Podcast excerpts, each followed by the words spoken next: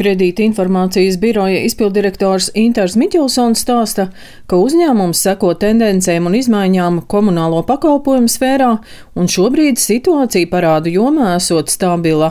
Jāņem gan vērā, ka uzņēmumam par parādniekiem ziņo galvenokārt lielie pakalpojumu sniedzēji no Rīgas, Jelgavas un citām lielām pilsētām. Ja mēs skatāmies pēc kopējā parādu apjoma, tad privātu personām vidēji mēnesī ir kavēti aptuveni 80 tūkstoši rēķini, kur katrs rēķins ir kavēts vismaz 60 dienas vai vairāk. Un, ja mēs eh, salīdzinām ar iepriekšējiem gadiem, tad tie paši 88 tūkstoši, kas bija pirms gada, līdz ar to mēs varētu teikt, ka eh, gada griezumā nekas nav mainījies. Savukārt, ja mēs skatāmies, cik strauji pieaug parādi katru mēnesi, 4, 4,5 tūkstoši nesamaksāt rēķini.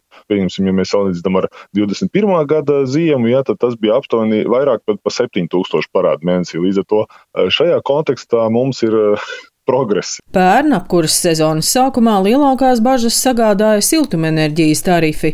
Gāzes cena pat pārsniedza 300 eiro par megawatu stundu.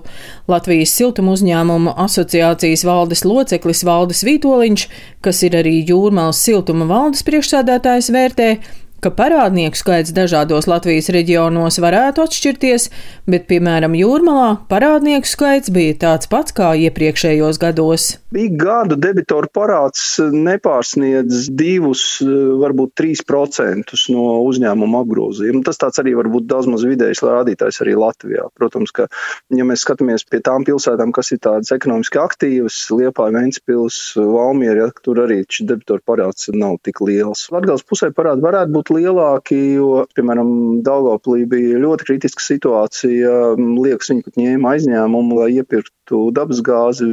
Kā viņiem tagad ir veicies pēc apkurses sezona, man nav konkrētu skaitļu, jo tas tomēr ir uzņēmumu tāda komerci informācija. Bet eh, asociācijā nav uzņēmumi vērsušies, mums nav bijusi liela diskusija par kādiem krasiem debitoru pieaugumiem. Daudz dzīvokļu namu apsaimniekošanas un uzturēšanas uzņēmums Civinity apsaimnieko 550 daudz dzīvokļu namus Rīgā un Jūrmalā, gan sēriju veidā ēkas, gan jaunos projektus.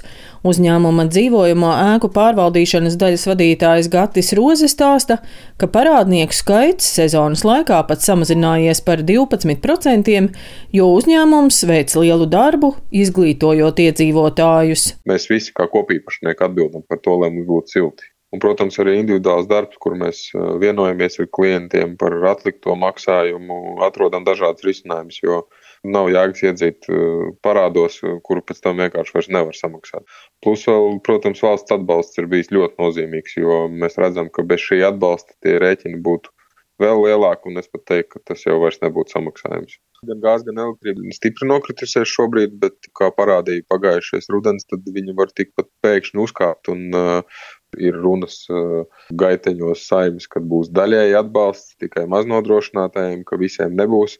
Tā kā ir, tā ir tāda neziņa ne par cenu, ne par iespējamo atbalstu. Gatis Roze no Civinity vērtē, ka siltumenerģijas cenu kāpumam ir arī pozitīva blakne. Iedzīvotāji, īpaši Rīgā, sākuši domāt par ēku renovāciju un energoefektivitāti. Paļauties mūžīgi uz uh, zemām cenām vai valsts atbalstu, tas jau nav neizmērojams. Ir tomēr eh, jādomā par to, kā mēs varam samazināt šo patēriņu. Jādomā jau par tādiem kompleksākiem risinājumiem, un tas ir sakustinājis vairāk um, Rīgas iedzīvotājus, kur ir vēsturiski vienmēr bijis zemākais tarifs. Palielinājusies arī iedzīvotāju interese par individuālo siltuma skaitītāju uzstādīšanu. Daina Zalamane, Latvijas radio.